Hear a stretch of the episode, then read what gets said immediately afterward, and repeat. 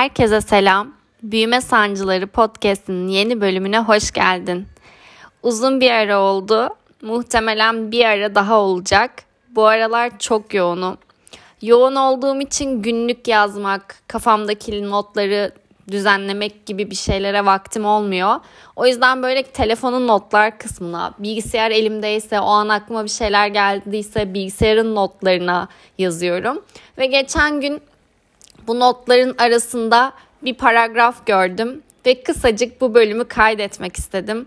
Haziran ayı benim için tam olarak böyle geçti. Umarım size de iyi gelir bu cümleler. Sıkışmışlık hissi. Gidecek bir yer olduğunu hissedemediğin, aynı zamanda kalamadığın, kalmak içinse kendini hissiz, hissizleştirdiğin bir yer. Bu hissizleşme duygusunu tanıyorum. Sanki kendimi kapattığım bir oda gibi. Ağlamayı, birinin sana sarıldığında hissettiğin sıcaklığı, gözlerinin içinin parlamasını, birisi için üzülmeyi ya da birisini geçtim, kendin için bir şeyler hissetmeyi hepsini kapattığın o oda. Rutin hayatını yaşa. Yani nasıl mı?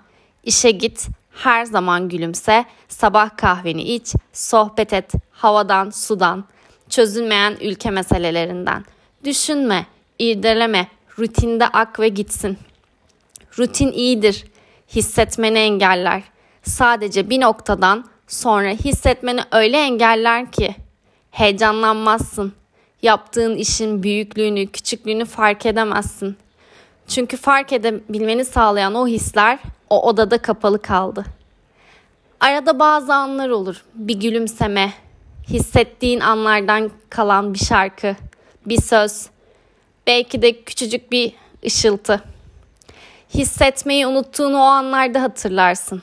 Canın acır ve hissetmek için rutini bozman gerektiğini fark edersin. Fakat bir şeyi hatırlarsın tekrardan.